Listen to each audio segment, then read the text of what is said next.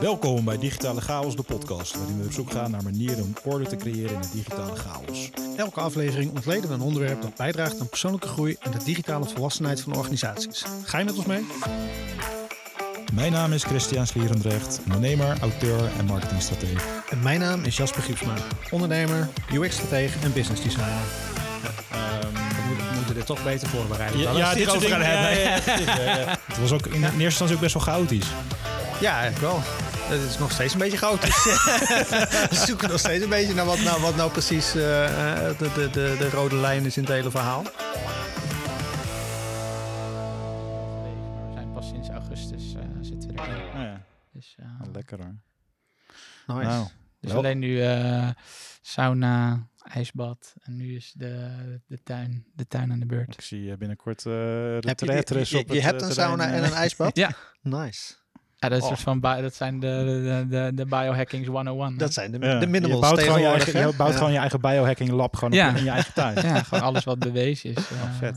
Ja. Ik nou iemand die, ehm, eh, die woont in een, of die, die heeft een appartement en die slaapt in een hoogslaper en daaronder een opblaasbaar ijsbad. Hey, Elke ochtend Zo erin. kan het ook. Ik heb geen tuin en ik heb geen balkon, dus ja, je kan natuurlijk ook gewoon. Ik zie Kan weer ook een een nieuw hoog- business, Ja, er zijn- business idee. ik eh, ga een hoogslaper kopen en dan gewoon een, eh, compacte een, een eh, eronder. de- ja. bij- maar er zijn er eh, echt best wel veel hoor. Je ziet nu echt als paddenstoelen uit de grond Ja. schieten. Die Ja. eh, ijsbaden, leveranciers. eh, je Van die kan mobiele zelfs- dingen.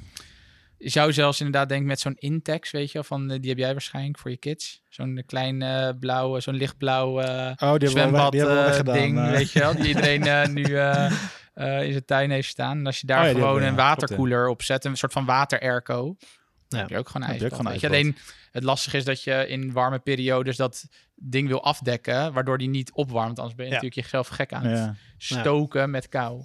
Dus Ja, maar je ziet nu veel meer ook van die varianten met een klein, eh, kleine footprint, zeg maar. Dus die zijn gewoon hoger, maar die zijn dan compacter. Dat is letterlijk een soort ton waar je in gaat zitten. En dan, eh, Ja, al die tonnen komen uit, het, uit de veehouderij. Ja. Omdat die eh, dus heel goed geïsoleerd zijn. Dus die houden heel goed Oh, nice. kou tegen. Ja. En dan hoef je dus minder energie te verbruiken om Ja. hem op laag temperatuur te krijgen en te houden. Ja. Dus ja, zo eentje heb ik er dus ook. Nou, nice.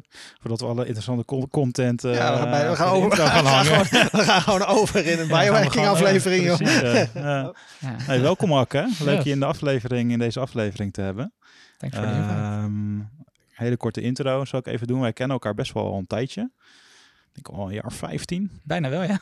Jeetje. Eh, oorspronkelijk uit het eh, online pokerwereldje. Zoek hem maar op ergens. En eh, nou, je bent de eigenaar van IWB, dat is een Digital Growth Agency in Amsterdam. Ehm, ook biohacker zag ik dus in je profiel staan. En natuurlijk al best wel een tijd lang ondernemer. Eh, dus lijkt me tof. Ik, eh, ik kijk al een tijd uit naar dit gesprek. We hebben in het verleden ook al eerder content gemaakt en artikelen geschreven. Maar het lijkt me leuk om daar wat dieper, over, dieper op in te gaan over, op die, die verschillende onderwerpen. Ehm, nou ja, zoals je misschien weet hebben we niet echt veel standaard, standaard vragen voorbereid. Ehm, Jasper, wil jij de enige standaard vraag nog? Ja, zal ik? Ik zit er voor de rest toch een beetje bij aan. Jullie, ik ken jou wel, jou Christian wel, maar jou ken ik wel helemaal niet. Dus ik stuur lekker de bleu-vragen erin. Nee, de, de- onze standaardvraag is, hoe digitaal volwassen vind je jezelf? Mijzelf. Ja, Eh, ik denk dat ik op zelfstandig oogpunt wel redelijk digitaal volwassen ben. En ook veel dingen, eh, dus door ook vanwege dat biohacking, heel veel dingen eh, experimenteer en, en oppak. Hè. Dus eh, ook met Chris is bijna altijd de eerste met wie ik een soort van de nieuwe technologieën ga. ga soort van, eh, wat heeft dit voor impact op de komende vijf jaar? Wat Ja. heeft het voor impact op de komende tien jaar? Eh, en zo ook doende met, met AI of zo. Dus ik denk dat ik dat probeer zo snel mogelijk in mijn eigen leven, soort van in ieder geval mee te experimenteren en Mhm. te kijken wat het zou kunnen doen. En als het Ja. dan positief bevalt, dan zal ik het echt volledig integreren. En soms laat ik ook dingen gewoon een beetje links liggen. Eh, maar ik merk wel dat ook eh, best wel toch best wel uitdagend is om bijvoorbeeld in mijn dagelijkse leven met andere mensen, dus eh, met je bedrijf, et cetera, om te zorgen dat iedereen op datzelfde level volwassen gaat worden.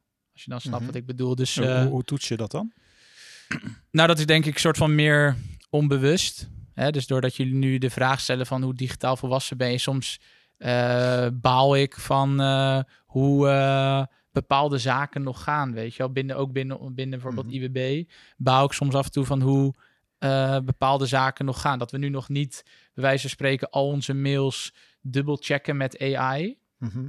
Dan denk ik van, hoe kan dat man? De AI is toch al een half jaar eh, de bom. En dit- dit is juist ervoor gebouwd om een soort van je, je digitale buddy te worden op eh, accountability en op eh, kwaliteit van eh, bepaalde zaken. Ja. En dan eh, is het toch, ik gebruik dat dan heel veel, maar toch is het dan lastig om dat soort van eh, in een community of in een wat grotere sociale kring eh, te adopteren. Hetzelfde geldt voor bepaalde vrienden en kennissen of zo, waarvan Mhm. Eh, ik weet dat ze niet op dagelijkse basis AI gebruiken. Terwijl Ja. voor mij is het soort van echt eh, elke dag letterlijk. Naast mijn mail staat ChatGPT open. Er zit een beetje de, de vloek van de early adopter, denk ik ook een beetje. ik hoor wel hoop herkenbaarheid. Dat, ja. Ja. ik, ik Ja, er ook wel dan- tegenaan. inderdaad. Want dat is dan ook wel weer waar ik soort van vaak door word getriggerd als ik het dus dan ergens in een andere kring, dus in een andere Mhm. community erover heb. Dat ze dan zeggen, ja, wat, is, wat doe je daar eigenlijk dan mee? Ja. Dan denk ik, oh ja, wacht, ik moet wel even... Mijn eigen bubbeltje is wel mijn eigen bubbeltje. Ja, Ehm, dus als ik soort van in mijn eigen bubbel zou ik zeggen, kan ik nog wel wat meer eh, digitale volwassenheid gebruiken. Maar misschien in general denk ik dat ik het eh, dat ik niet slecht eh, score. Nice. Ja, nice. Ik, eh, ik ben wel benieuwd, hè. Dus wij kennen elkaar best wel een tijd, maar ik weet eigenlijk niet zo, nog niet precies zo goed hoe jouw ondernemersverhaal misschien, of reis is begonnen. Zou je daar iets meer over kunnen vertellen? Wanneer is zeg maar dat, dat, dat zaadje geplant of begonnen? Of was dat iets wat je Eh. altijd al wilde als eh, klein jochie? Thema van de aflevering, zaadjes planten. Ja. Ja. Ja, dat, eh, ik denk niet echt soort van begonnen met ondernemen, ehm, maar meer eh, ook ik als klein jongetje de droom om profvoetballer te worden. Eh, mijn moeder eh, heel veel beloftes gedaan over eh, boodschappenauto's die eh, veel te laag bij de grond liggen.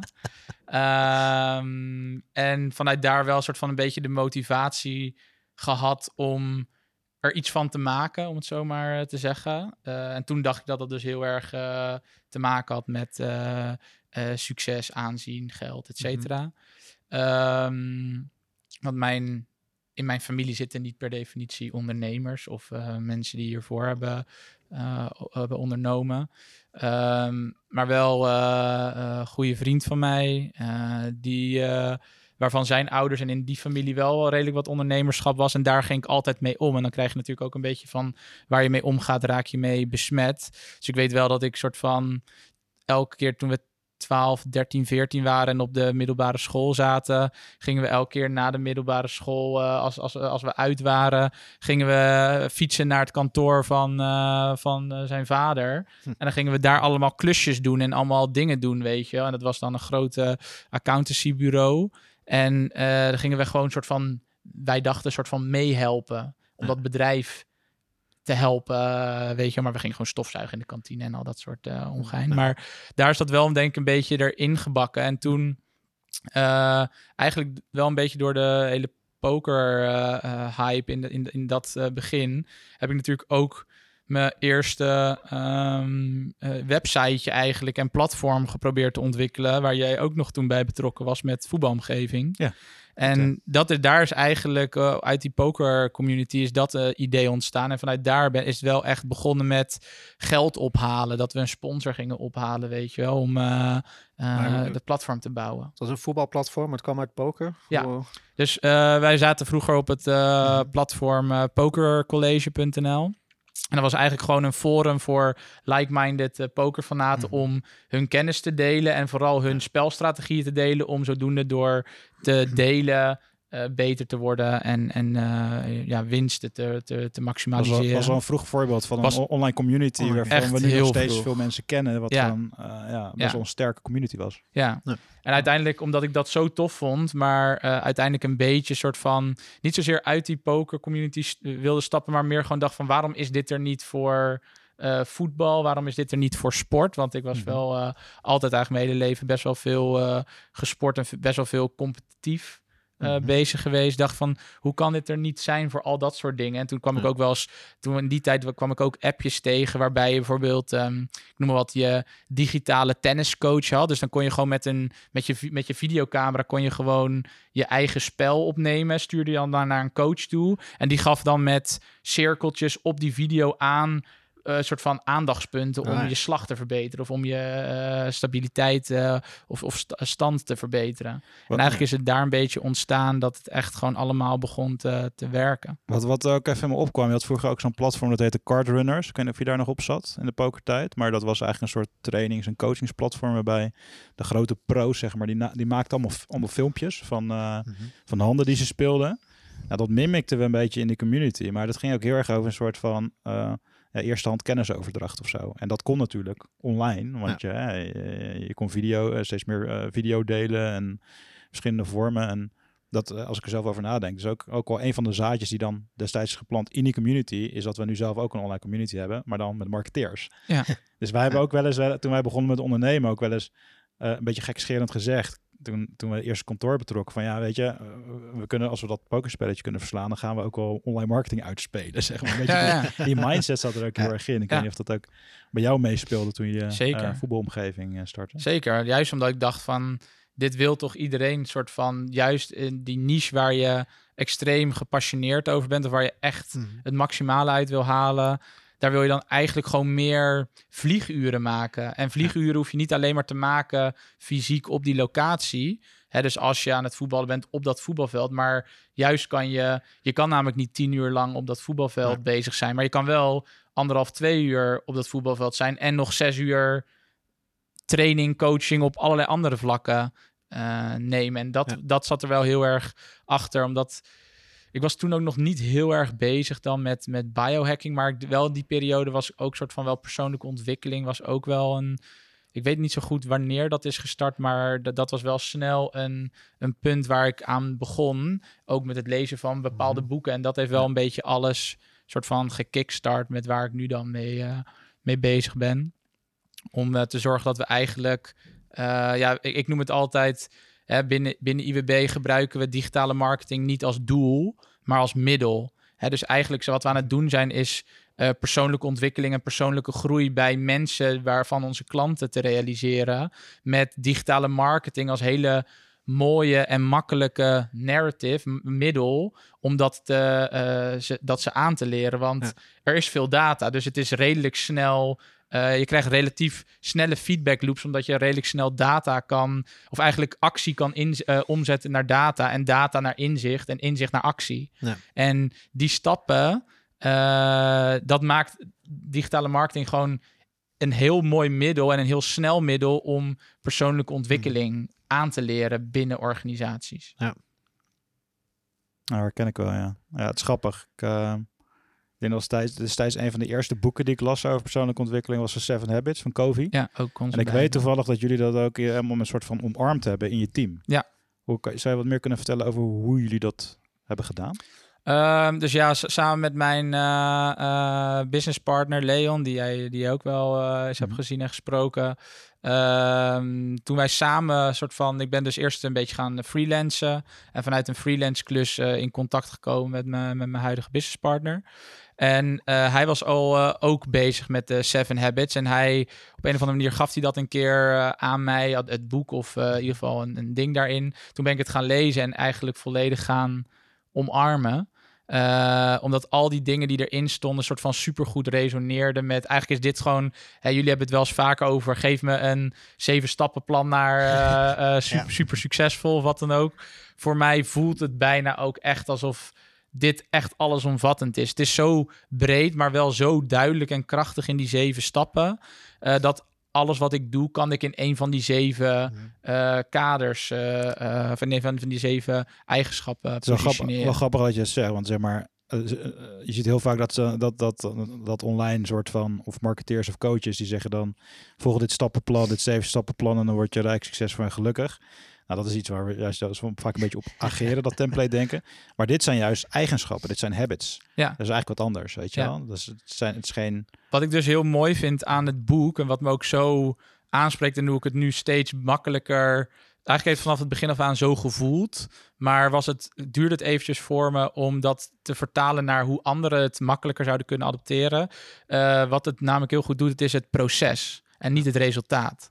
En dat is een heel groot verschil. Hè? Dus hè, wij hebben het ook vaak uh, binnen, binnen uh, digitale marketing of digitale strategieën. Nou, jij zal het, uh, of jullie zullen het allebei herkennen. Heb je een soort van lagging en leading KPI's. Hè? Dus mm -hmm. lagging KPI's is dingen als die een resultaat vormen. Dus omzet is een resultaat van dingen doen. Uh, het aantal klanten is een resultaat van dingen doen. Maar bijvoorbeeld leading KPI's is: oké, hoeveel contactmomenten ga ik vandaag realiseren? Maakt niet uit hoe of wat, maar dat is uiteindelijk waar ik echt invloed op heb op een dag-tot-dag basis. En daaruit kunnen allemaal klanten of omzet vloeien. En wat ik dus heel erg tof vind aan het boek van, uh, van uh, Covey. En waarom wij dat dus ook echt proberen te integreren bij alle nieuwe medewerkers. Om te zeggen, hey, dit is onze Bijbel. Dit zijn onze zeven core values. En ga het boek lezen of ga je erin verdiepen. Uh, als je ook intern soort van de, de, juiste stappen wilt maken. en de juiste groei wilt realiseren. Um, maar het is juist omdat het dus gefocust is op eigenlijk allemaal leading indicators. En niet op uh, lagging indicators. Dus begin with the end in mind, mm. uh, nummertje twee, dat is soort van nu, soort van, dat is een soort van, ik ga nu vandaag nadenken over waar ik over een periode in de toekomst wilt zijn. En ik ga niet, als ik in de toekomst ben, kijken naar wat ik heb gedaan afgelopen periode om hier te komen. Nee, het is dus heel erg vooraf gedreven naar een resultaat toewerken. In plaats van bij het resultaat gaan kijken wat heb ik in het verleden daarvoor gedaan. En daardoor is die feed, feed, eigenlijk is het feed forward in plaats van feedback. Ja. En is het leading in plaats van lagging. En dat is gewoon een methode en een methodiek die gewoon zo goed resoneert. En dat is, ja, het zou echt... Uh... Zouden er een hele aparte opname over kunnen volgen, ja. denk ik. Als we ja. die hebben. Maar het ook dingen die we, waar we het eerder over gehad hebben. Dingen als intenties zetten natuurlijk in principe in het verlengde daarvan ligt. En uh, ja, het, het, principe dat je meer op skills um, uh, bezig bent dan echt inderdaad met het resultaat bezig bent. Ja. Of met dat ja, hele specifieke einddoel, zeg maar. Maar hoe is dat voor jullie dan? Als je een soort van, uh, Jasper, hoe is dat voor jou? Nou voor ons, eh, ik moet zeggen, de, niet dat ik die van de, Seven Habits van Covey echt heel uh, zwaar integreer, maar ja, het resoneert wel in dingen die ik doe. Het, zit wel, het, zit, zijn wel habits die ik bij mij terug zie komen. Uh, wat voor ons, voor mij als bedrijf, voor ons bedrijf eigenlijk heel um, groot verschil heeft gemaakt, is toen wij inderdaad ook zijn veranderd naar we focussen ons meer op het proces en niet op dat eindresultaat. Kijk, wij zitten in de UX design, dus uh, vaak komen mensen wel bij ons met wij willen een app, wij willen een web, webdesign, we willen een website, we willen deze interface veranderen. En ja, zagen heel veel bureaus, maar ook in zeker tien jaar terug toen wij daarmee begonnen, was het heel vaak van oké, jij wil een mooi plaatje, dus hè, dat mooie plaatje kost zoveel. En uh, op een gegeven moment zijn we helemaal geswitcht naar nee, we hebben een proces, we hebben een werkproces. Daarin gaan we werkzaamheden uitvoeren om tot een resultaat te komen. Ja, het resultaat weet nog niet hoe dat eruit ziet. Uh, zelfs dat we op het punt kwamen dat we hele abstracte vragen konden beantwoorden met een offerte. Ja. Waar heel veel andere bureaus zeiden van ja, nee, maar een tweede, derde, vierde gesprek voordat we daar helemaal concreet hebben uitgedacht wat alle wensen waren, zeiden wij van nee, we vinden in dit proces gaan wij tot het eindresultaat komen. En welke principes liggen daar dan uh, aan ten grondslag? Want dat is eigenlijk, voor ons is dat dus inderdaad die Seven Habits van ja. Covey. Maar welke principes leg jij dan ten grondslag aan een goed en kwalitatief proces? Ja, voor ons is dat gestoeld op co-creatie. Dus echt inderdaad met zowel met onze klant als met de eindgebruikers. Um, duidelijke communicatie natuurlijk zit daar heel erg uh, in. Um, ja, en Ik nog een stukje, um, ja, het klinkt stom om te zeggen, maar opvoeding van onze klanten. Maar ook inderdaad, wat, wat je ook al aangaf, is van wij, wij helpen ook heel erg om um, die, um, die deken van ons proces af te halen. Wij zijn heel open in onze communicatie. Wij laten alles zien tussen resultaten. We betrekken mm. mensen bij schetsen, we betrekken mensen bij alle tussenstapjes die wij zetten. Als wij een vraag hebben, dan delen we dingen ook gewoon van, we hebben hier een vraag over. Ja, het is nog niet af, maar hier hebben we een vraag over. En dat zijn dingen, die, die, die co-creatie, die transparantie zijn voor ons heel erg belangrijk in het proces. En is dat, heb je dat ja. ergens, uh, ergens opgepikt in een bepaald boek? Of is dat echt gewoon een, een berei van meerdere dingen waar je de, gedurende die jaren tegenaan ja. bent gelopen en elke keer een elementje uit dat, uh, elke, elke keer een ingrediënt aan dat recept hebt toegevoegd? Absoluut. Dat is ni- niet te herleiden naar één boek of naar één moment of naar één ding. Dat is inderdaad iets waar je door de, door de tijd heen heeft dat zich ontwikkeld. We zijn van begonnen met het adopteren van dingen als design thinking en echt het design thinking proces. En toen hebben we op een gegeven moment gezien van oké, design thinking stopt ergens waar wij nog verder willen gaan. Maar een lean UX begint weer ergens waar wij al iets voor willen doen. Dus op een gegeven moment hebben we gezegd van nou laten we al die methodieken gewoon eens bij elkaar gooien. En we zeggen gek genoeg altijd van we hebben ze in een blender gegooid en daar een smoothie van gemaakt. En dan komt ons proces eruit. En ons proces is ook zeg maar twee swirls. Dus dat, eh, ehm, ja, daar zitten eigenlijk allerlei dingen in die visualisatie. Ik, ben ook al drie jaar bezig om een nieuwe visualisatie te maken. Maar ik, ik, ik krijg niet voor elkaar omdat de visualisatie die we nu hebben zo klopt. Ja. En dat is ons te teken van ja, dat is wel een goede. Ja, dat geeft goed weer hoe wij willen werken en wat voor principes wij daarin hanteren. Ja, dat geeft de kern weer. Eh, wat, Ja. wat wel grappig is, ik hoorde ook je ook het eh, woord transparantie zeggen. Of eh, Ja. in, in samenwerking. Dat kenmerkt jullie samenwerkingsproces ook heel erg.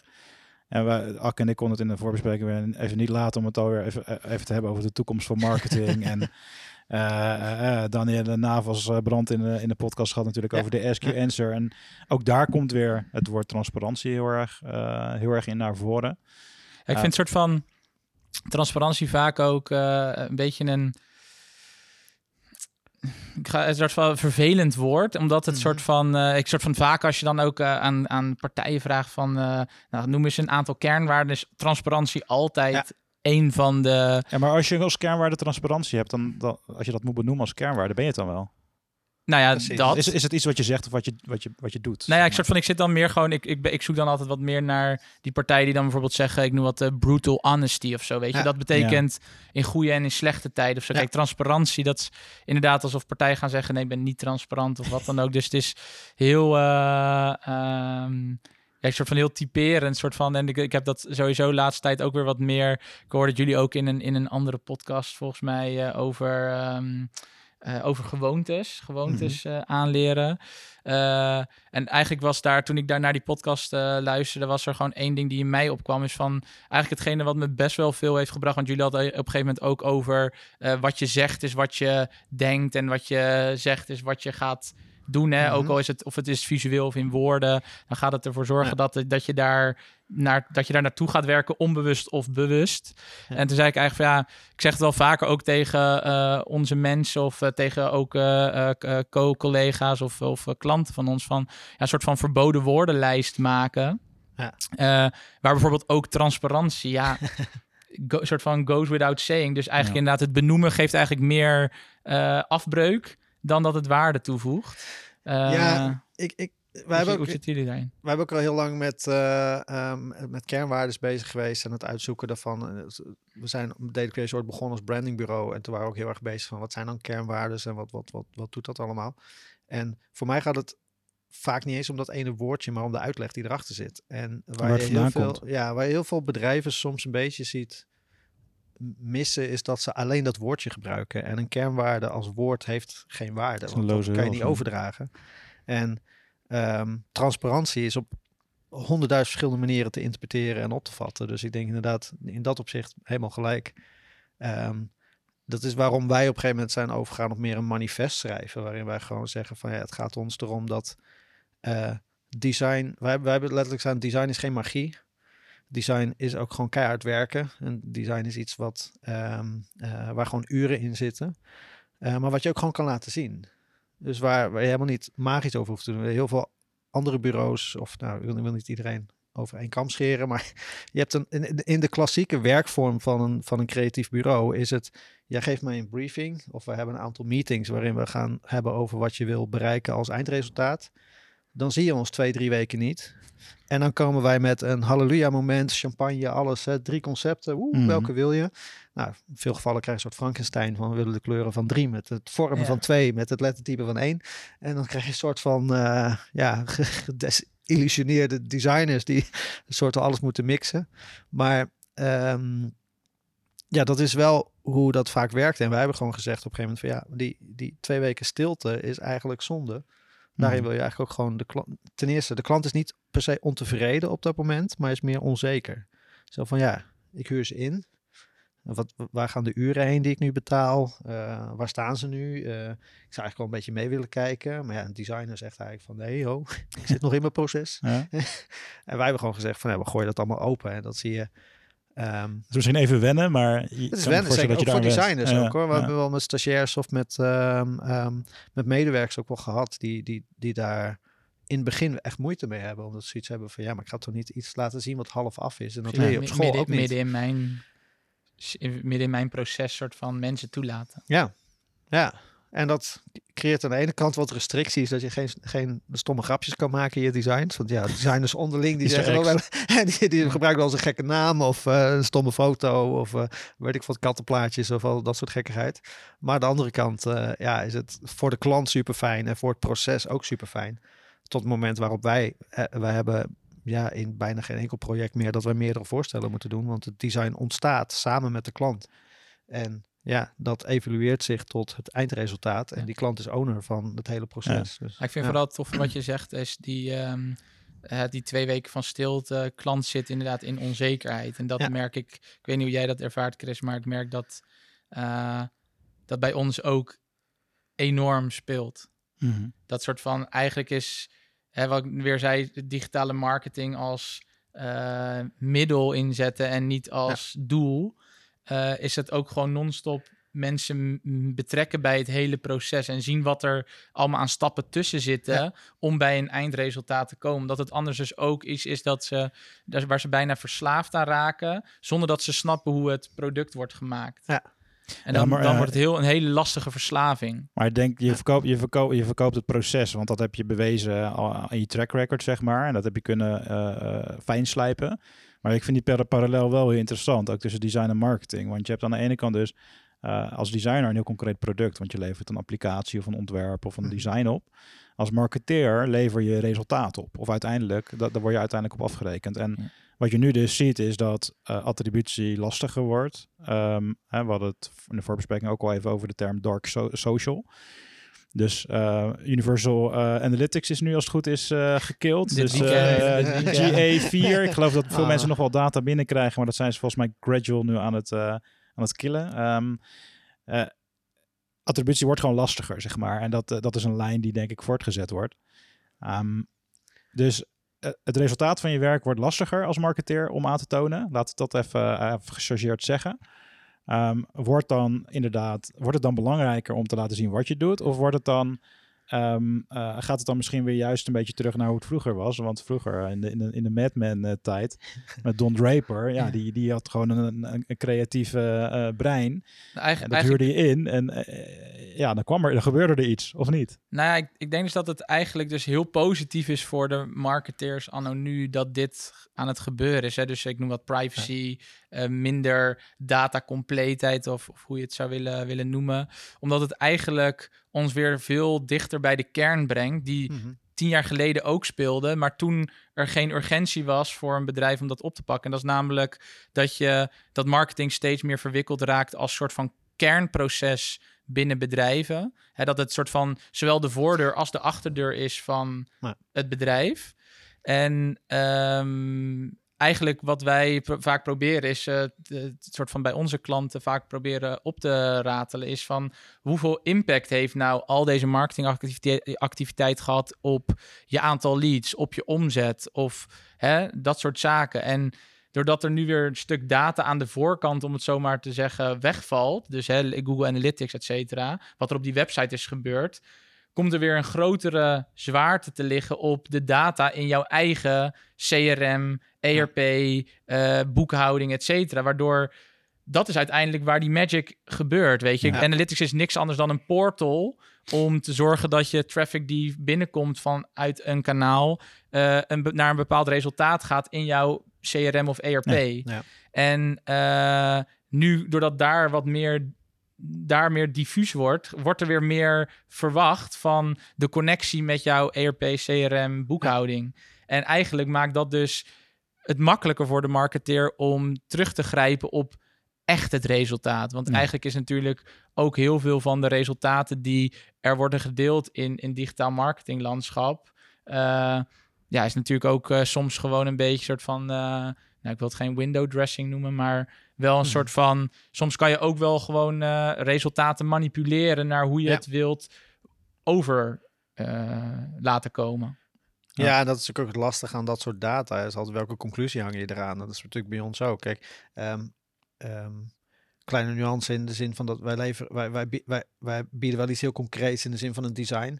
Alleen vaak worden we wel ingehuurd om gebruiksvriendelijkheid te verkopen of te, Ja. te, te creëren, zeg maar. hè. Dat is ook meer een proces. En we zijn ook steeds meer op zoek naar hoe, hè, hoe wat is dat dan precies ook op langere termijn in een samenwerking, zeg maar.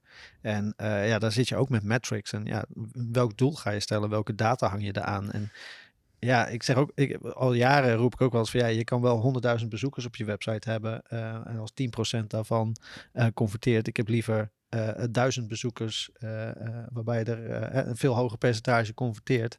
In aantallen heb je dan soms veel meer. Ja. En dat, ehm, ehm, ja, mensen staren zich soms dan ook wel blind op de verkeerde metrics. Of Ja, krijgen ook- die ook verkeerd gepresenteerd. Het zou ook zomaar kunnen dat we gewoon als marketeer ook wel een beetje lui zijn gemaakt door die overload aan data en aan attributie. Mhm. Ehm, ja, als je, als je naar de term dark social kijkt, weet je dat een groter deel van je, van je verkeer niet meer exact valt, valt toe te wijzen aan waar het vandaan komt. Ergens is dat, ik vind dat ook wel interessant als marketeer. Weet je, ik heb ooit een keer een artikel geschreven dat een beetje over de wisselwerking is marketing dan nou kunst of wetenschap. Eh, ik denk dat de afgelopen tien jaar heel erg probeerden om het wetenschappelijk te maken. Eh, maar volgens mij is het een soort combinatie van, weet je, van ehm, alleen maar data kan je ook een soort van eh, oogkleppen geven, omdat Absoluut. marketing en maar ook design en klant, klanttevredenheid, gebruiksvriendelijkheid, het gaat vaak over een soort integrale benadering van naar dingen kijken. En, en je ziet nu dus dat bijvoorbeeld stromingen als demand generation op zo, opeens weer hip zijn, eh, terwijl het eigenlijk ook gewoon ja, oude, a- a- eigenlijk gewoon een oude benadering is van oké, je gaat je gaat gewoon kennis delen, je gaat eh, eh, je klanten educaten, je gaat weer meer werken aan je brand awareness, je gaat mensen weer in een ruimte krijgen in een event. Ja. Eh, eh, en daar, gebruik, daar, daar ontstaat de magic. In communities eh, ontstaat de magic. Ehm, Het is altijd een beetje raar dat af en toe zeg maar de trend is dat het besef komt dat het allemaal menselijk is. Dat, dat, en dat, dat- is elke keer zie je zo'n golfbeweging. zo van, oh, automatiseren, automatiseren, automatiseren. Oh, wacht, het gaat over mensen. En dan gaat het weer een tijdje ja. over menselijkheid. En dan wordt dat allemaal weer geautomatiseerd. En dan, oh, het gaat weer naar menselijkheid. En dat, dat Ja. zie je heel erg, ja.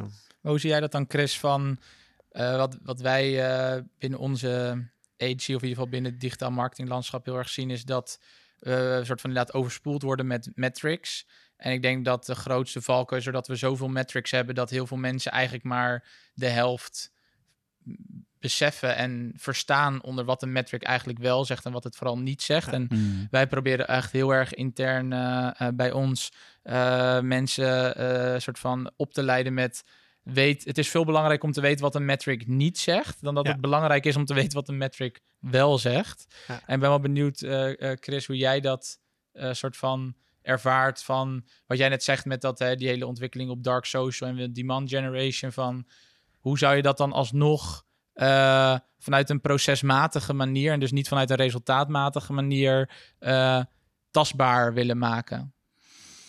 Ja, kijk, als je het hebt over binnen een team, ik denk dat het wel goed is om gewoon een metric te hebben per persoon, waar je een soort van invloed op kan uitoefenen.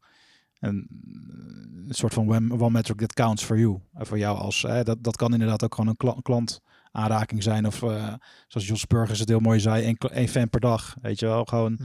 Ehm, volgens mij heb jij ook wel een paar voorbeelden die jullie intern doen. Ehm, je noemde net al een, een, een, een, een, een verboden woord. Of, Ehm, of was dat iemand anders die dat vertelde? Ik weet niet. Het is soms iets van mij dat jullie daar ook wat mechanismes in hebben. wa- Waarbij je gewoon eh, eh, eh, ja, dus ook kan triggeren om eh, een bepaald gedrag te stimuleren. Eh, dus bijvoorbeeld, je kan bijvoorbeeld medewerkers ook gewoon ruimte geven om eh, aan dat soort dingen te werken. Zoals bijvoorbeeld gewoon, oké, eh, iedereen heeft gewoon een, een bepaald budget beschikbaar. Of je hebt binnen je team een budget beschikbaar om bijvoorbeeld je klanten blij te maken. Ik zeg maar wat, hè. Dat kan prima een metric zijn. Ja. Van oké, eh, ja, als je, als je een, echt een, een, fucking grote glimlach op iemands gezicht kan toveren en dat kost 100 euro, go for it, weet je wel. Ja. Ja, dat zijn dan van die dingen die je niet meteen kan ophangen aan, ehm, oké, wat is dan de output of wat is dan uiteindelijk de, eh, de omzetgroei per account. Dat gaat wel allemaal opstapelen. Het soort van het lastige daarvan, want eh, het soort van de basic dingen daarin zijn best wel goed, eh, eh, denk ik, te integreren in een soort van bedrijfsproces. Of hè, dat, wat je net zegt over, geef iemand een glimlach voor 100 euro. Nou, dan weet je zeker dat dat het wel gaat eh, eh, opleveren. Mhm. Eh, maar dan gaat het om hoe ga je dat dan weer schaalbaar maken. Want ja, als, je elke, als ik elke dag iemand 100 euro ga geven voor die glimlach, dan wordt op één keer, dan, dan komt er een punt waarop dat soort van, soort van een beetje vaag happiness wordt. Of dat vaag wordt wanneer dat soort van zich, wanneer dat een beetje een soort van overkill is. Maar goed, daarin denk ik, denk ik ook dat je eigenlijk meer verantwoordelijkheid bij mensen kan Ja. neerleggen. Omdat ik denk dat mensen best wel goed aanvoelen, intuïtief, wanneer iets soort van oké is en wanneer iets too much is en wanneer... Ja, ik denk dat het daar ook op gaat. Dat, eh dat er eigenaarschap ligt bij, bij medewerkers. En, en autonomite- uit- autonomiteit. En zou je dan een soort van ehm, collega's, medewerkers, eh, meer gewoon, eh, ik noem het even, zouden, zouden we vrijheidsgedreven metrics kunnen, of, of intuïtiegedreven metrics kunnen bedenken? Oeh, dat is wel een hele interessante. ja, Nou, het is- ik Ik vind, wat zit wat meer in jouw straat natuurlijk, Jasper. Van eh Is- is het even, out of the box. eh. nou ja, ik, het, het is een lastige, want ik ehm, de laatste tijd ook steeds meer een beetje aan het denken van hoeveel vrijheid kan je ook geven, zeg maar. Ik zie het nou terug in wat onderzoeken rondom bijvoorbeeld onbeperkte vakantiedagen bij medewerkers. En ehm, je ziet dat bij een aantal bedrijven heeft dat hele positieve effecten, maar een aantal bedrijven heeft dat ook het tegenovergestelde effect. Dat ehm, vaak op het moment dat iets als onbepaald of ehm, hoe noem je dat, eh, onbeperkte vakantiedagen wordt ingevoerd, is er vaak een regel bij van ehm, eh, overleg, eh, creëer met jouw team dan zeg maar de ruimte. Als jij vier weken vakantie wil, ga je lekker vier weken vakantie, maar zorg dat het in het team wel ehm, gedekt, de, de, de uren gedekt zijn. En dan zie je dat er een soort van sociale druk ontstaat, een groepsdruk ontstaat bij een aantal bedrijven, waarin mensen geen vakantie meer nemen of geen vrije dagen meer opnemen of juist meer gaan werken en meer overuren gaan maken. En er zijn nu een aantal onderzoeken geweest waarin je ziet dat het ook averechts werkt. Dus dat is met dit soort dingen ook. Ja, hoeveel vrijheden ga je geven en hoeveel verantwoordelijkheden ga je wegleggen? En kan een team daar ook mee omgaan, zeg maar. En ik vind het heel mooi om te doen. Maar ik merk ook soms dat dan eh, wat conservatieve gedachten bij mij in naar voren komen van ja, in hoeverre kan je nog, kan je, kan je ook zoveel vrijheden verwachten van medewerkers? Ik denk dat het deels ook wel ligt aan je bedrijfscultuur en aan je Ja. bedrijfsstructuren. Ja, ik, ja, en ik dat denk dat met zaken. name dus inderdaad cultuur essentieel is hiervoor om altijd... eh, maar goed, dat is bij ons... Hè, wij, wij, wij volgen dan Covey en die zegt altijd Mhm. think win-win. Mhm. Hè, dat Ja. is een van Ja. de principes. Ehm, en toevallig was ik eh, afgelopen week op ons eh, tienjarig bestaan eh, feestje. Was dat eigenlijk ook, eh, in, gaf ik eigenlijk een beetje aan in een soort van korte dankbaarheidsspeech naar onze klanten en partners. Van wat waren nou de drie ingrediënten voor ons om in die tien jaar soort van zo te groeien. En wat, heeft, wat, wat zijn voor ons de piketpalen en de fundering van onze cultuur. En daar, daar is deze er ook eentje van. Ja, dus dat is een soort van eh, denk win-win. Mhm. Eh, en dat betekent dus eigenlijk dat je ook als je metrics gaat bedenken voor of het nou voor klant is of voor medewerkers of voor eh campagneresultaat of whatever. denk altijd in wat het voor het hele ecosysteem het beste Mhm. maakt, weet je. En ik denk dat wat jij zegt, soort van onbeperkt aantal vakantiedagen, maar met restrictie A, B en C Mhm. ja, zijn A, B en C niet zo contra op het ene. Dat je dus soort van het meer gaat gebruiken als marketing. Dan dat je het gaat gebruiken omdat je echt oprecht wil dat je medewerkers ultieme vrijheid kunnen ervaren. Ja. In dus werk en privé. Ja. Dus dat is wel een. eh, Hoe hebben jullie dat geregeld? Of vast Eh, aantal dagen? Of? Nee, we hebben wel een. eh, ehm, we hebben dus wel gewoon inderdaad een aantal eh, standaard, eh, standaard dagen. Maar wat we bijvoorbeeld wel heel erg eh, nadruk hebben gezegd, is bijvoorbeeld dokter, ehm, tandarts, al dat soort zaken. Die eens in de zoveel tijd een keertje voorkomen. Dat, daar hoef je geen vrij voor te vragen of wat dan ook. Mhm. Het enige wat we zeggen is, denk met gezond versta- verstand na dat je dat dus niet om één uur 's middags plant.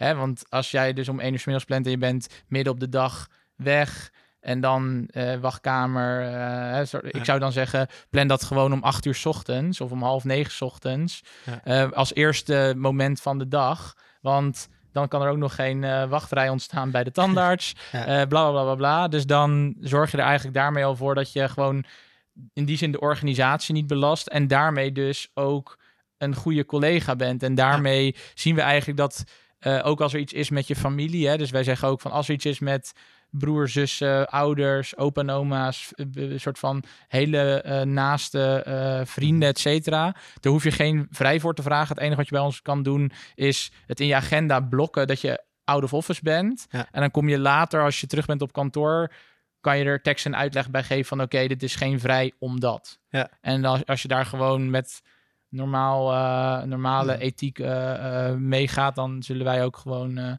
dat niet als vrij, een soort van echt vrij, vrije tijd zien. En gewoon als genoodzaakt van, dat, dat is gewoon wat je wil doen om gewoon überhaupt een goed persoon te zijn. En dan Ja. hoort dat gewoon ook bij wat wij willen uitstralen als bedrijf. Ja, dat is wel een mooie, mooie ding inderdaad. En hoe, hoe groot is het team nu? We zijn nu met 20. 20, oké. Dus het is, nog, eh, het is nog behapbaar. Het is wel hapbaar. Maar we hebben wel twee, twee drie iteraties. eh, hoe, hoe, harder je, gro- of hoe groter je wordt, hoe lastiger dat soort dingen natuurlijk ook wel ja, zijn. zeker. Dus dat, is ook hè, maatwerk, wat je wil eigenlijk altijd. Hè, dat hebben we ook gezegd. We willen eigenlijk altijd één lijn trekken. Maar het wordt Ja. steeds lastiger. Omdat je dus voor elke uitzondering.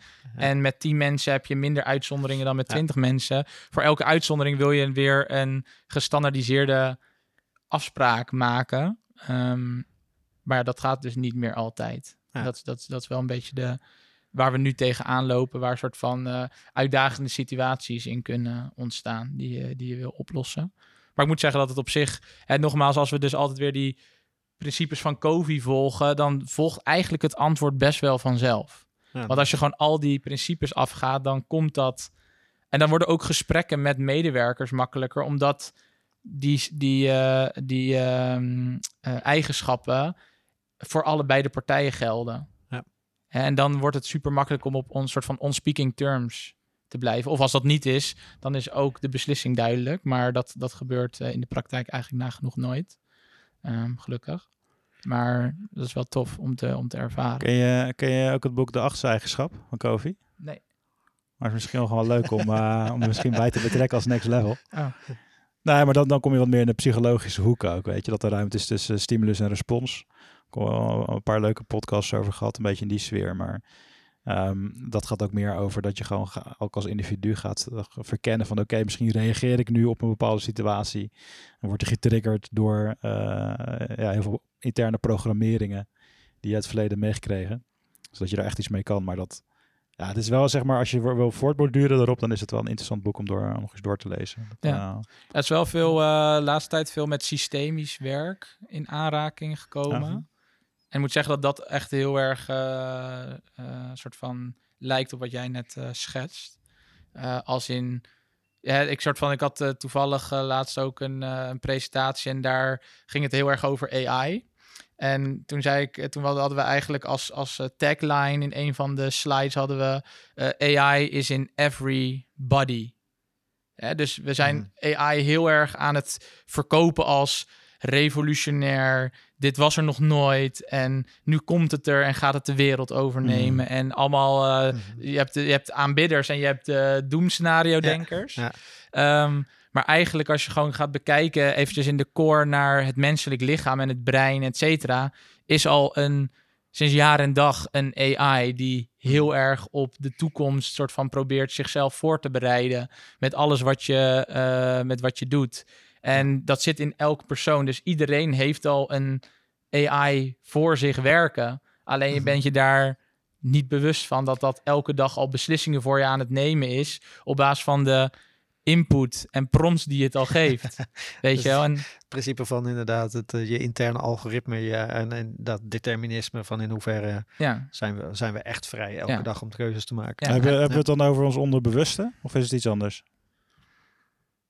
Nou, ik denk dat het, ik- denk dat het groter is. Als in een soort van breder is. Hè, dus wat jij net zegt over opvoeding. Kijk, als jij elke dag in je opvoeding wordt geconditioneerd met een bepaald iets, is het niet eh frappant dat je nu, als jij in een bedrijf zit waar een soortgelijke principes worden, of een soortgelijke cultuur heerst, dat je dan in dat oude patroon wegvalt. Ondanks dat je die vijf jaar daarvoor misschien op een compleet andere manier jezelf hebt aangestuurd of heb, eh, met collega's hebt leren werken, weet je wel. Dus Ja. ik denk dat je heel graag dus bewust wilt zijn. En ik weet niet of dat dan in het onderbewuste zit of dat je dat op een manier wat meer kan naar de oppervlakte kan brengen. Maar ik denk dat het best wel interessant is voor mensen om te weten wat hun soort van eh, pad is geweest van eh, gedrag en normen en waarden Mhm. over gedurende hun gehele leven. Om zodoende gedrag wat ze nu hebben of respons op bepaalde eh, gewaarwordingen te hebben. Om dat iets beter te kunnen ehm, aanvoelen en soort van daar iets eh, bewuster van te kunnen zijn in het maken van keuzes. Ja, ja, dat je er geval bewust van wordt. Oké, wat gebeurt er eigenlijk? Even pauzeknop Ja, drukken. ja. drukken. Ja, dat is En dan, kan, dan heb je een keuze, weet je wel. Ja. Dus dat, eh, dit is wat ik heel erg aan het onderzoeken ben inderdaad. Ik noem het nog wel eens eh, je interne algoritme waar je beslissingen op maakt. En je hebt door je hele leven heen variabelen verzameld die dat algoritme beïnvloeden of dat algoritme bepalen. En daar komen keuzes uit. En ehm, een van de grootste uitdagingen op dit moment in de filosofie is het eh, verdedigen van vrije wil. Want er is eigenlijk zowel in de wetenschap als in gewoon algemene ervaringen is er gewoon heel veel bewijs dat, er, dat we veel deterministischer zijn dan dat we zouden willen. Dus eigenlijk dat wij veel meer ehm, beslissingen een soort van automatisch genereren eh, eh, dan dat wij zouden willen of dat wij voelen. Het is zelfs zo erg dat ehm, er onderzoeken zijn geweest waarbij dus met 80% zekerheid ehm, voordat jij een beslissing maakt al eigenlijk al gemeten kan worden wat jouw beslissing wordt of dat jij tot een beslissing komt. Ja. En ehm, Maar is dat niet wat we altijd al gewild hebben? Maar het gewoon even wat tijd nodig had? Ja, maar het, het, het, de, de, het, het idee is dat op het moment dat jij je bewust wordt van een beslissing, en dat komt dus uit jouw interne processing, jouw, jouw interne algoritme, dan is het zelfs zo erg dat jouw ene hersenhelft wordt ervan bewust en het andere hersenhelft heeft er gelijk een uitleg voor klaar. Waardoor wij het gevoel hebben dat het een vrije keuze is geweest. Mhm. Ja. Dus op het moment dat wij kiezen van oké, eh, wij gaan nu linksaf. ehm, en je hebt er een uitleg bij, maar dat is eigenlijk pas bepaald op het moment dat die beslissing er al was. En dat, ja, dat zijn eh, interessante dingen. Hier kan ik ook een hele podcast Ja. over vol praten, maar ja, nee, dat is inderdaad eh, super super interessant. Ja. Ik hoop dat het lampje niet eh, al te veel stoort. ja, grappig. ja, ja, dat- TL-buis die het eh, uitvallen is, geloof ik. Ja, dat zeker is. We hebben nog eens eh, gehad over jouw visie, over Nou. jouw, jouw toekomstvisie op het vakgebied, eh Akke. Op het vakgebied van marketing. Misschien leuk om nog even bij stil te staan. Eh, een hele, dat is natuurlijk een Heeft, hele, heeft hele, het een toekomst? hele, brede, hele brede vraag, maar tegelijkertijd, we hebben er ook al wat content over, over gecreëerd. En dat evalueert ook een beetje. Hè. Dus eh, Gaan we, gaan we naar een Ze- tijdperk van AI-generatieve marketing? Dat je het gewoon ja, dat is wel een, wel een interessante vraag. Ja. Ja. Ja. Wat, wat verwacht jij dat, zeg maar, we hebben natuurlijk recent ook een artikel over gepubliceerd, ook over de impact van AI. Dat ging meer over de impact van AI op onze rol als marketeer. Maar eh, ja, gewoon als je kijkt naar het vakgebied marketing, digital marketing, wat verwacht je dan dat de komende paar jaar? Ja, ik had dus Ja, laatst eh, eh, ook in een, in een andere podcast eh, benoemde ik het ook. En toen had ik er eigenlijk nog niet zo ver over nagedacht, omdat het toen gewoon bij me in, in me opkwam. Maar ik- letterlijk de vraag of er over vijf jaar bijvoorbeeld nog websites bestaan. Mhm. Dat dat dus een soort van een tijd geleden ondenkbaar was. Want dan zei iedereen gewoon resoluut ja. Ja. Is dat nu gewoon, nou, oké. eh, er zijn wel scenario's te bedenken waarop een website of een bepaalde interface gestandardiseerd gaat worden. hè. Dus ik noem het eventjes wat de, de, de interface van ChatGPT. Ja, dat kan best wel gewoon een, een soort van een standaardisatie worden. Van oké, jij hebt je eigen ChatGPT interface en ik heb mijn eigen ChatGPT Mhm. interface. Maar dat het gewoon een input gedreven interface is, Ja. waarbij ik dus eigenlijk niet meer een website zie, maar gewoon mijn content of mijn vraag of mijn behoefte drop. En er komt iets naar me toe wat Mhm. door iemand anders beïnvloed is, maar mij dat antwoord geeft, dat eh, zie, ik nog be- zie ik best wel als een, als een scenario dat zou kunnen gaan werken. En dan is de vraag van, oké, hoe ziet dat er dan uit? Hoe bedrijven of hoe merken of hoe hè, eh, producten zich kunnen eh, differentiëren en onderscheiden. Ehm, dus ik denk dat dat één soort van ding is waar ik gewoon niet echt een antwoord nu op heb, maar heel erg benieuwd naar ben hoe dat zich gaat ontwikkelen. Ik denk wel dat interfaces echt eh, eh, er heel anders uitkomen te zien. Hè. Natuurlijk eh, de, de, die Vision Pro van Mhm. Apple, hè, waar jij had het net over, die beslissingen die worden getriggerd die dat, daar hebben zij, zij hebben ook al gebruik gemaakt van eh, eye tracking en al dat soort Ja. dingen. Om eigenlijk voordat jij al kijkt ergens naartoe, al te weten dat je daar naartoe gaat kijken. En daarmee een soort van bepaalde design interface maken. Beetje een snijvlak van wat je net benoemde. Van voordat je weet dat je zelf ergens naar gaat kijken, weet jou, Is het al, eh, ja. weet jou, eh, hoe heet het, Ja. hoe heet het die, die eh, Vision Pro, dat die is dan Visual die Pro, augmented- die weet al dat je dat gaat doen. Dat Ja. zit een beetje in het verlengde voor de van waar luisteraars, dat net is dus eh, de nieuwste augmented reality bril Ja. inderdaad van Apple. Ja. Ja, ik, ik, ik, ik roep dat al jaren sinds eigenlijk de eerste eh, demo's van de HoloLens van, eh, van Microsoft. Wat eh, technisch een te- andere technische insteek heeft, maar wel zeg maar hetzelfde principe heeft, waarbij je dus het digitale laag over de gewone wereld heen legt. Ik geloof daar wel in dat we daar naartoe gaan, dat we straks weggaan van al die schermen. Dat Ja. we, je hebt nu overal Mhm. altijd een scherm op zak. Ja, het is niet voor niks dat ze de timing nu hebben gedaan. hè. Ja. Het is best wel een grote move voor een merk als Apple. Na zoveel jaren alleen maar nieuwe iPhones uitgebracht te hebben. Om nu opeens zo'n Ja. totaal nieuw product op de ja, ik ben markt te brengen. in dat opzicht niet zozeer bang dat, dat, dat inderdaad zo'n zo'n headset dan zo ver gaat dat hij weet wat jij gaat beslissen en dat soort dingen. Maar dan krijg je, als je dat dan gaat combineren met Neuralink. Neuralink Neura- inderdaad ja. van, eh, van Elon Musk, waarbij je gewoon een implantaat hebt die gaat interfacen met een computer. Dan komen dat soort dingen wel eng dichtbij. Ja. En ik, ja, we hebben ook een aflevering, die hebben we nog niet gedeeld natuurlijk. Ja, misschien inmiddels wel, maar de aflevering over eh, algoritmes en ons leven. En ik ben heel erg algoritme moe of algoritme, of een beetje anti-algoritme. Als, als mensen mij gaan vertellen wat ik moet doen, dan wil ik het tegenovergestelde doen. En dat heb ik ook op de computer. Als ik advertenties krijg van heel veel dingen, dan heb ik altijd eerder de neiging om ze zoveel mogelijk te willen negeren, hoe graag ik het product ook wil, dan dat ik het doe. En ik denk dat ik dat vaker zie in de wereld. Dat je dat je en natuurlijk heel erg met content fuiken en zo heb je daar nu ook mee te maken. Maar ik zou er wel heel vervelend vinden als ik met een headset oploop en die gaat me de hele tijd vertellen wat ik straks wil. Maar ik denk ook even terugloopend op een paar termen die al voorbij kwamen. Zeg maar een stukje menselijkheid wordt daar denk ik ook belangrijker, weer belangrijker in. In die golfbeweging. Maar zeg maar, eh, ook als je mijn boek leest, hè, het Think-model kennen jullie. Dus Ja. idee, platform, Ja. traffic conversie. Dat platform, dat was tot nu toe was het altijd de website. Maar dat is wel echt, echt aan verandering onderhevig. Dat merk ik zelf ook. Van, eh, als je bijvoorbeeld klanten binnenhaalt. Eh, eh, eh, steeds een groeiender deel van de gevallen hebben ze die website niet eens bezocht. Tenminste, die beweging die zie ik al. Van als je bijvoorbeeld werkt met communities, als je mensen samenbrengt in een community. ehm, eh, me- mensen die gaan veel, veel, veel meer af op, op, op peer recommendation. Ja. Dus gewoon die vragen aan, een, zeker in B2B dan, hè. B2C is iets anders, maar in B2B is het gewoon heel vaak van oké, eh, eh, waar moet ik zijn? Eh, Ja. bij, wie- bij wie moet ik zijn? Maar kijk, kijk naar ja. bijvoorbeeld een ontwikkeling in China of zo. Hè? Dus even los van of daar een soort van vrijheid niet in het gedrang komt, et cetera. Maar kijk naar een China die gewoon... Die hebben bij, volgens mij gewoon één app voor alles wat je in China met je leven doet. Hè? WeChat, dat is gewoon hetgeen waar je je boodschappen bestelt, je Mhm. kapper boekt, letterlijk bijna alles integreert. En ik denk dus dat die interface, dus niet die interface wil je gewoon dat dat soep- soepel werkt en goed werkt eh, en, en eh, intuïtief werkt met alles wat je wat aan jou als persoon gekoppeld is, maar je wilt ook kunnen scheiden qua privacy of wat je wel en niet deelt.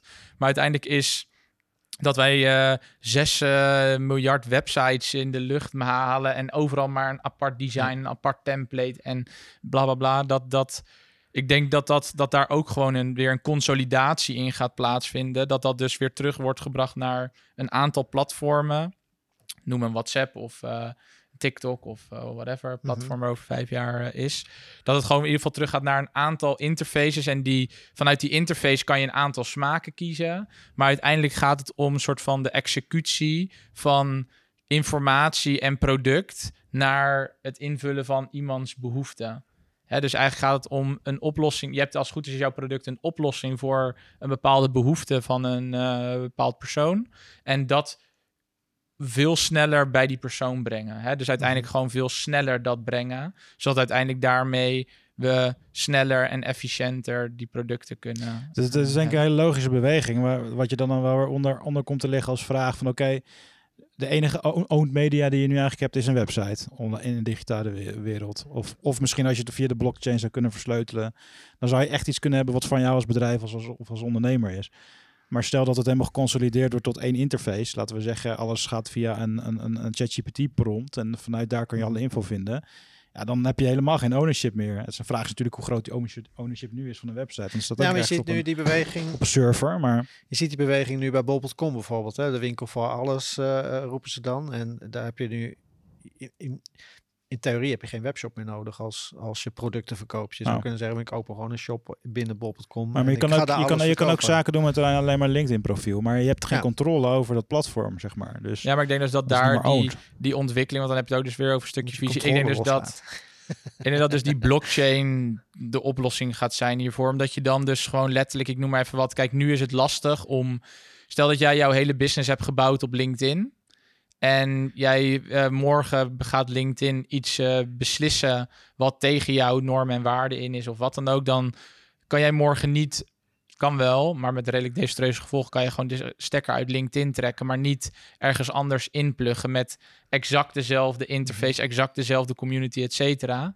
Terwijl ik denk dat er straks dus via de blockchain ook dat dat veel beter georganiseerd is en veel meer geanonimiseerd en privacy safe is. Dat van ieder zijn eigen data. Je kan wel jouw data toegang, of je kan wel toegang geven tot die data voor be- benodigde eh, zaken om eh, analyse te doen of wat dan ook. Maar ik denk dat uiteindelijk het dus veel makkelijker wordt om die stekker ergens uit te halen en weer die stekker in een ander stopcontact te trekken. En ik wil een beetje een soort van de narratief maken naar kijk naar een soort van eh, vroeger hadden we eh, lampen en daar moest je dus gewoon de stekker in het stopcontact doen en dan kon je de lamp aanzetten.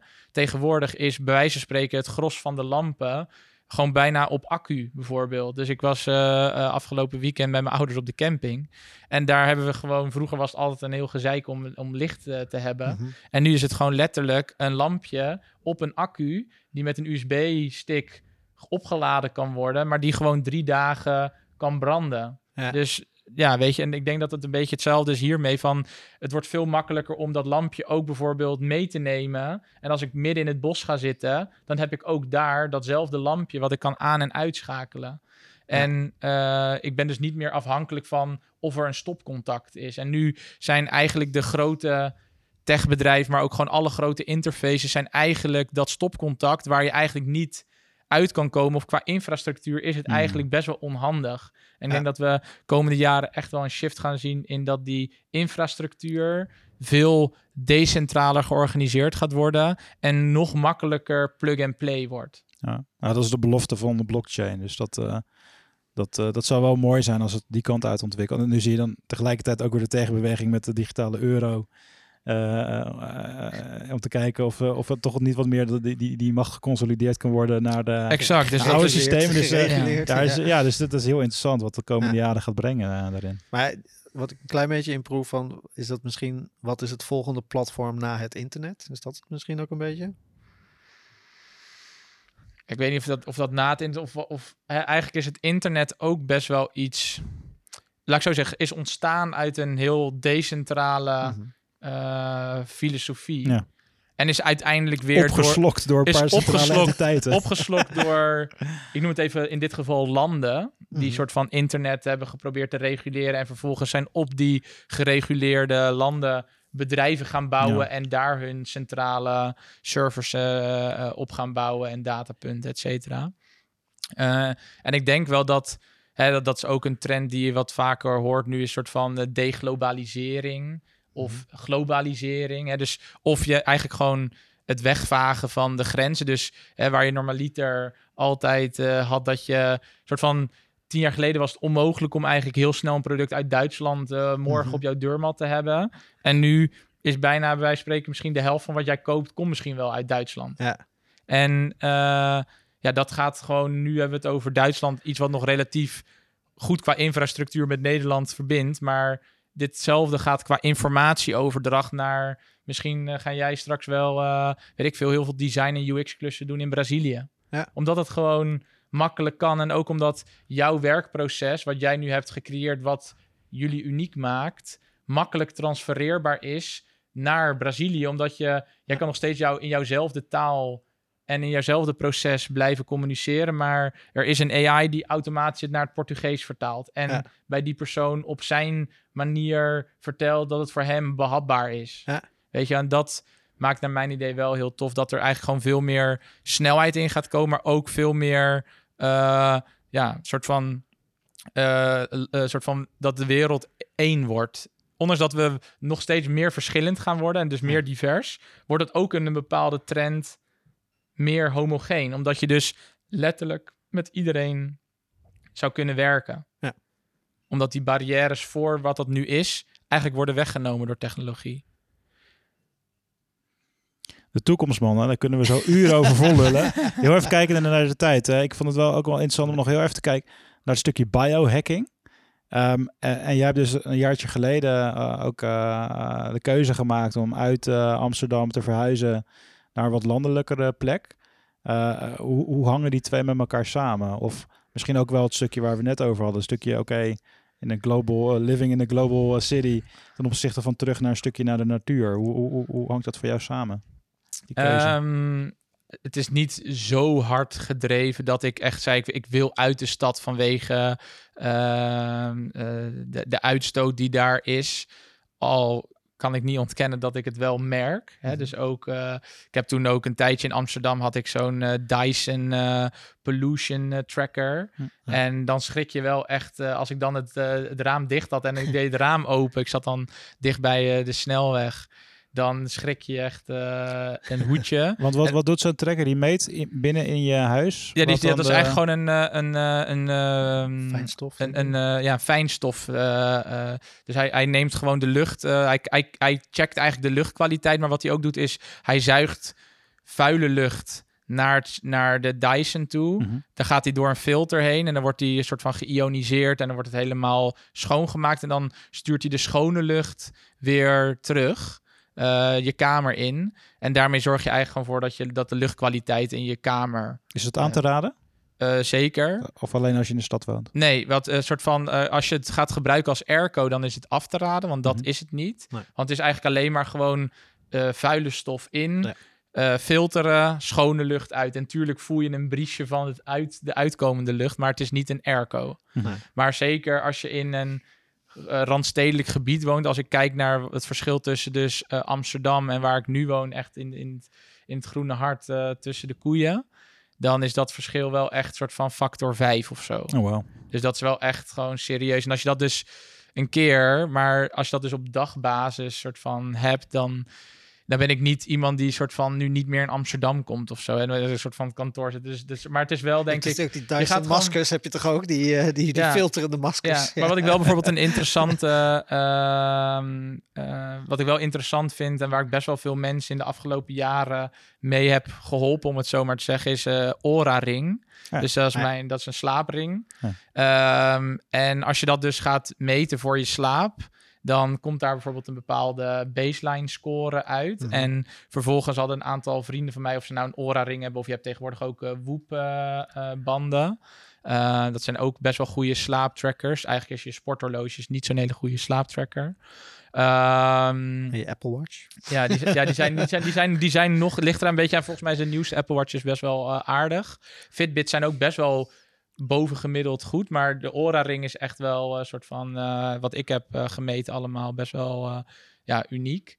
Ehm, en toen zijn er ook een aantal vrienden die hem eh, hebben. En eh, ik ben toen best wel drastisch gestopt met drinken van alcohol. Omdat ik gewoon best wel vaak zag van... Oké, dit ik dacht dat het slecht was. Ja. Maar zo slecht dat soort van echt... Dan wordt in één keer data, maakt het soort van zo tastbaar... Ja. Dat, eh, dat je gewoon echt overgaat tot actie. En wat, Ja. zag je, wat zag je dan uit je data? Want die ring die, die registreert slaappatronen en dat soort dingen, Ja, dus toch? die, eh, je ring, even primair meet die twee dingen. Je eh, resting heart rate, dus je, je hartslag in rust. Mhm. eh, en je temperatuur.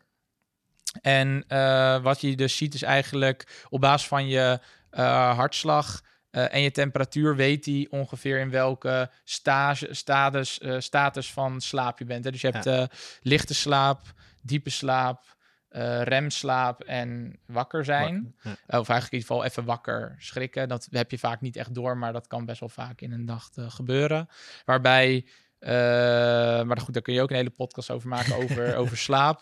Eh, Ja. Is het belangrijkste dat in je eerste, zeg even, in een normale nacht slaap je ongeveer acht uur. is niet helemaal waar, het is of 7,5 of 9. Mhm. Omdat je eh, uur, een soort van slaapcyclus duren ongeveer anderhalf uur. Mhm. Maar in de eerste drie slaapcyclussen, eerste twee, drie slaapcyclussen van je nachtrust, ben je volle- volledig bezig met fysiek herstel.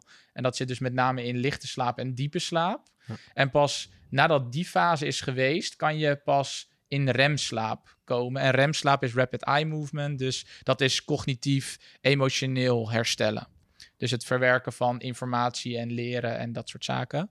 Nou, dan zou je zeggen tegen mensen van... oké, dan ga ik gewoon... eh, in plaats van dat ik van om tien uur eh, s avonds naar bed ga... en ik sta om zeven uur s ochtends op... ga ik om één uur s'nachts naar bed... en dan skip ik dat fysiek herstel... want ik heb niet zoveel Ja. uitgevoerd vandaag... en dan kan ik dat tweede gedeelte van die slaap... soort van cognitief herstellen.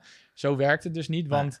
Je wil, voor in ieder geval, je lichaam gaat eerst door fysiek Ja. herstel heen voordat het cognitief kan herstellen.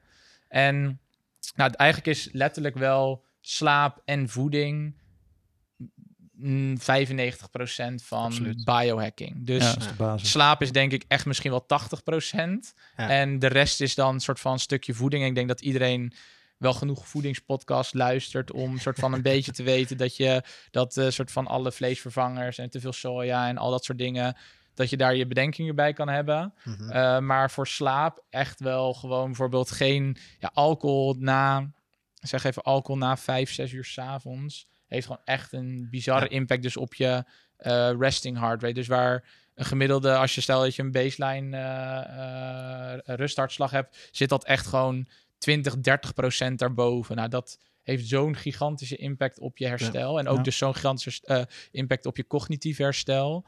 Ehm, dat dat echt mijn, mijn ja, nogmaals, we kunnen hier een hele podcast over maken. maar dat zou echt mijn grootste takeaway zijn voor mensen die hun, hun eh, lichaam willen biohacken. Begin alsjeblieft Met met slaap. slaap. Ja, slaap is de basis. Dat is fijn. Voor mij heeft het ook heel veel impact gehad. Ik, ben, eh, ik heb dan een Apple Watch en ik gebruik eh, al jaren Pillow. Ja. Voordat eh, Apple zelf zijn, zijn, zijn app ging lanceren. En eh, ja, die geeft gewoon een soort kwaliteitsscore ook op basis van al die metrics van inderdaad je, Ja. je slaapcycli en ook hoeveel remslaap. En ik had altijd vroeger het idee dat remslaap inderdaad gewoon, eh, je gaat, je hebt diep, je, je lichte slaap, dan ga je naar diepe slaap, dan heb je remslaap en dan ga je weer naar, naar diep en dan ga je dat cirkeltje Ja. weer uit. Maar het zijn inderdaad cycli die je doorloopt. Ja. En eh, grappig om te zien hoe inderdaad, je krijgt er gewoon een score van, eh, van 0 tot 100 procent. Ja. En dat je soms inderdaad denkt van, ah, ik heb echt goed geslapen. En dan open je je app en dan staat er 60 procent. En dan denk je, hoe komt dat? Ja, veel te lang geslapen, niet diep genoeg geslapen, je cycli niet doorlopen. En dan merk je gedurende de dag van, oh ja, wacht, ja, Ja. ik ben echt niet eh, goed uitgerust. Ja, er zijn gewoon, ja, weet je, de, heel belangrijk om een, gewoon een vast slaappatroon te hebben. Dus eh, ook in het weekend, eh, veel mensen die dan langer gaan slapen of meer uit gaan slapen. Nou, dat is eigenlijk heel contraproductief ten opzichte van je werkweek. Dus probeer zoveel mogelijk daar één structuur in te, in te hebben. Ik heb ook gemerkt, en dat is eigenlijk pas sinds anderhalf, twee jaar, dat hoeveel impact ook laat eten heeft op, eh, op slaap. Omdat je lichaam dus dan echt bezig is met het verwerken van eten. Mhm. Dus ik ben nu ook, probeer nu ook Mhm. gewoon echt eh, steeds vroeger te eten. En ook wel eens gewoon waar je normaal wel eens eh, een soort van stel dat je niet hebt gegeten, Mhm. s s'avonds. Ik weet niet of het de andere wel eens voorkomt, maar soms heb je wel zo'n dag dat het allemaal even samenkomt. En dat je dan om acht uur s'avonds of om negen uur s'avonds nog denkt van shit. Kom nu pas thuis en ik wil nog eten. Mhm. Je kan dan letterlijk beter zeggen: ik skip deze Ja. maaltijd, ik ga slapen. En als ik wakker word, eet ik extra. Ja. Dan eten en slapen. Ja. Hè, dus dat zijn van die kleine dingetjes die toch wel eh onderhuids eh, en niet altijd lukken. Eh, maar ik denk dat als je daar bewust van bent en je gaat dat slaap echt soort van hoofdprioriteit maken in je, in je routine, dan ga je echt zoveel, dan ga je echt zoveel beter doelen stellen, analyseren van waar je uitdagingen liggen, et cetera. En dan kan je, wat mij betreft, zoveel meer eh, waarde toevoegen aan Mhm. alles wat je doet. Dus aan vriendschappelijke relaties, aan eh, je persoonlijke ontwikkeling, aan je doelen op je werk, et cetera. Dat dat echt eh, Ja. een zwaar onder, onderschat. En mensen zijn daar naar mijn idee ook echt gewoon in onder geïnvesteerd. Dus Absoluut. een goed bed Ja. of zo. Weet je, zelfs als met een, tele- een Ja. telefoon voor anderhalf duizend euro. Ja. Die we elke dag gebruiken. Dat vinden mensen echt gewoon de, het gewoonste van de wereld. Maar Ja. voor 3000 euro, voor 4000 euro echt gewoon een bed kopen waar je gewoon een derde van je leven in, in bivakkeert. Het is zo grappig. Ik ben er dan nu dus ook mee. zeg Maar oké, de kinderen die slapen weer iets meer door. De- eh, dus wij zitten nu ook aan te denken, oké, we iets beter bed kopen. Maar de, en die, die, die, ring, die ringen heb ik ook eerder voorbij zien komen. En dan zie ik als een teken om daar weer een keertje in te duiken. Ik denk dat wij een beetje naar richting de afronding moeten. Kijk even naar Jasper. Eh, ja, kunnen we eh, een beetje, want het zit op 1 uur en 10 minuten. ah, dus het, mooi, gaat hartstikke goed. mooi, mooi. Nee, maar dus ik ik vind, wel- weet je wat ik nou even wel wou zeggen? Want, eh, wat, ehm, eh, want je zei net uh, ondergeïnvesteerd in, in, in bijvoorbeeld bed of dat soort zaken. Maar ik denk ook vaak in kennis. Want Ja. wat ik heel erg heb gemerkt, ik ben vorig jaar eh, eh, 20 kilo afgevallen, eh, mede door eh, eh, echt, ja, tenminste grotendeels voedingspatroon. En ehm, ik ben eigenlijk daarop begonnen door me te gaan verdiepen in hoe werkt mijn lijf. En ik merk heel, veel, heel erg met het biohacken is ook vaak gewoon, dat begint voor mij vaak, of eh, bij, heel veel mensen vaak, om gewoon te kijken, hoe, hoe werkt mijn lijf nou eigenlijk? En wat doet voeding nou met mij? Wat doet slaap met mij? En wat, dus ik denk dat het ook wel een grote takeaway is van verdiep je ook gewoon eens in de wetenschap achter je lijf. Van hoe werken bepaalde processen, inderdaad van eh, hoe ziet je slaapritme eruit? Wat doet inderdaad die eerste anderhalf uur? Dat is voor mij ook weer een nieuwtje hier die ik geleerd heb. Maar wat, doet, wat doen al die, die, die cycli met je? En ook ehm, wat je net al een beetje aangaf van een keer een maaltijd overslaan. Maar dat voor mij heeft vasten bijvoorbeeld ook echt heel veel impact gemaakt. Ook gewoon mentaal en fysiek wat dat met je doet. Als je gewoon een keertje een dag niet eet. Of zelfs eh 32 uur niet eet. En ehm, recent ook weer een hele mooie podcast gezien bij A Diary of a CEO. Dat was ook een heel gesprek met iemand die eh, heel erg over vasten praatte. En je kan letterlijk gewoon je metabolisme resetten door gewoon een langere vast te doen. En ik heb bij mezelf ook gemerkt als je, nou, je hebt het ding als het keto-dieet, wat voor mij vorig jaar heel veel impact heeft gehad. En het in ketose zijn, eh, dus, dus inderdaad ehm, eh, vet als brandstof gebruiken en keto, eh, ketonen aanmaken in je lijf, wat je met vasten kan doen of met laag koolhydraatdieet. Ehm, dat doet mentaal ook ontzettend veel. Het is echt bizar hoe, Ja. hoe je ineens focus hebt of ineens heel anders in het leven staat door ja, je voedingspatroon aan te passen of zoiets als vasten een keer te, te uit te proberen. En dat, eh, ik denk dat inderdaad ook wel is.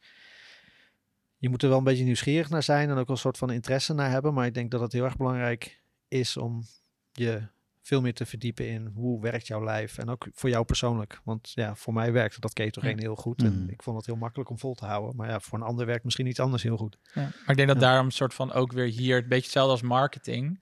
Eh, daar zit soort van ook Mhm. voor mij de overlap en dus een soort van het narratief is dat waarom werkt marketing goed om, om persoonlijke ontwikkeling op te pakken, Mhm. is weer die data.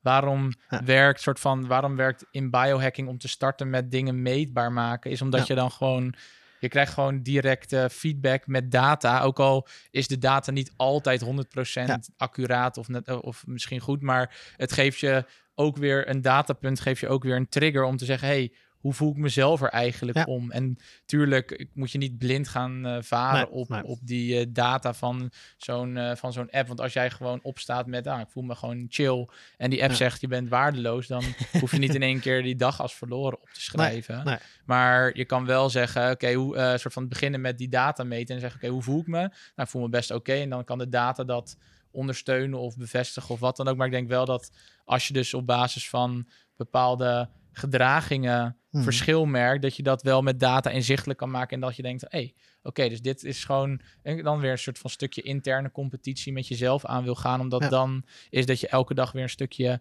beter wilt zijn dan dat je gisteren was.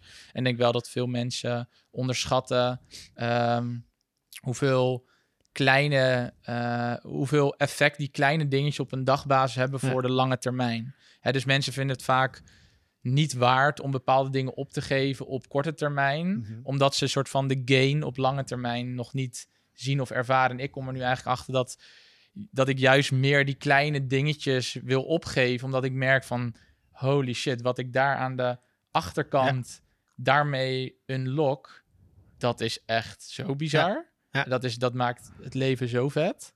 Ja. Dat is eigenlijk waar ik soort van nu pas. En terwijl ik ben al acht jaar bezig en nu pas komen echt die, ik noem het eventjes die micro-investments van, oké, Mhm. dus eh, niet meer na acht uur s'avonds eh eh gaan drinken of dat soort Ja. dingen, weet je. Dat is, eerst dacht van, nou, een keertje kan nog wel.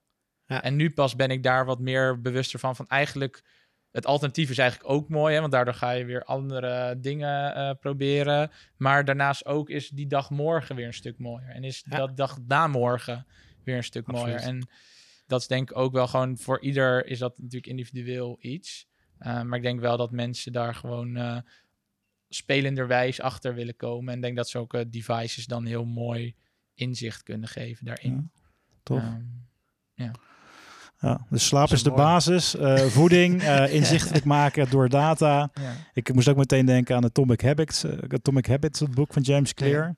Ja, ik zag, Eh, ja, ik soort van, ik, zag, ik, ik las dus ook die podcast van jullie te luisteren. Toen dacht ik eigenlijk eentje die je echt op die boekenlijst erbij mag zetten, is Better Than Before. Is van Gretchen Rubin.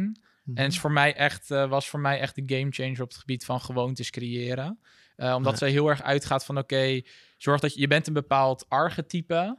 En Ja. op basis van je archetype ga je gewoontes bijmaken. Dus ik Ja. hoorde jou zeggen, ja, ik ben een avondmens. Dus, en nu door mijn kinderen geforceerd een ochtendmens. Kijk, voor jou heeft het dan geen zin om 's ochtends heel veel nadruk op dingen te leggen waarbij je heel veel, waar je best, best wel veel willpower voor nodig hebt. Maar gooi, gooi dat soort dingen heel erg in je avondroutines. Omdat dat is het moment waarop je gewoon natuurlijk aan het shinen bent.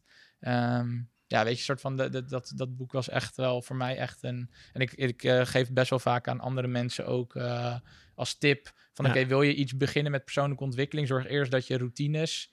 Uh, weet hoe je eigen routines kan aanleren. Mhm. En ga dat boek lezen om dat te doen. Want dan weet je welk, welk format van routines bij je passen. En dan Nice. Ja. gaat het echt een stuk makkelijker om dingen te laten stikken. En um, ja, gewoon Oh, daar mooi. echt gebruik van te maken. Oh, die gaan we opzoeken en bij de show notes uh, erbij zetten. ja, En die- dat is denk ik een mooie, een mooie, ja, maar dat is denk ik een mooie, uh, mooie om rond te maken. Want van, volgens mij is dat ook de boodschap hè, van uh, bouwroutines die bij jou passen. En niet per se omdat ze door een of andere goeroe door je strot gedrukt worden. Exact. En dat is ook een hele mooie Ja. zoektocht om zelf uh, aan te gaan als ondernemer en als, als mens.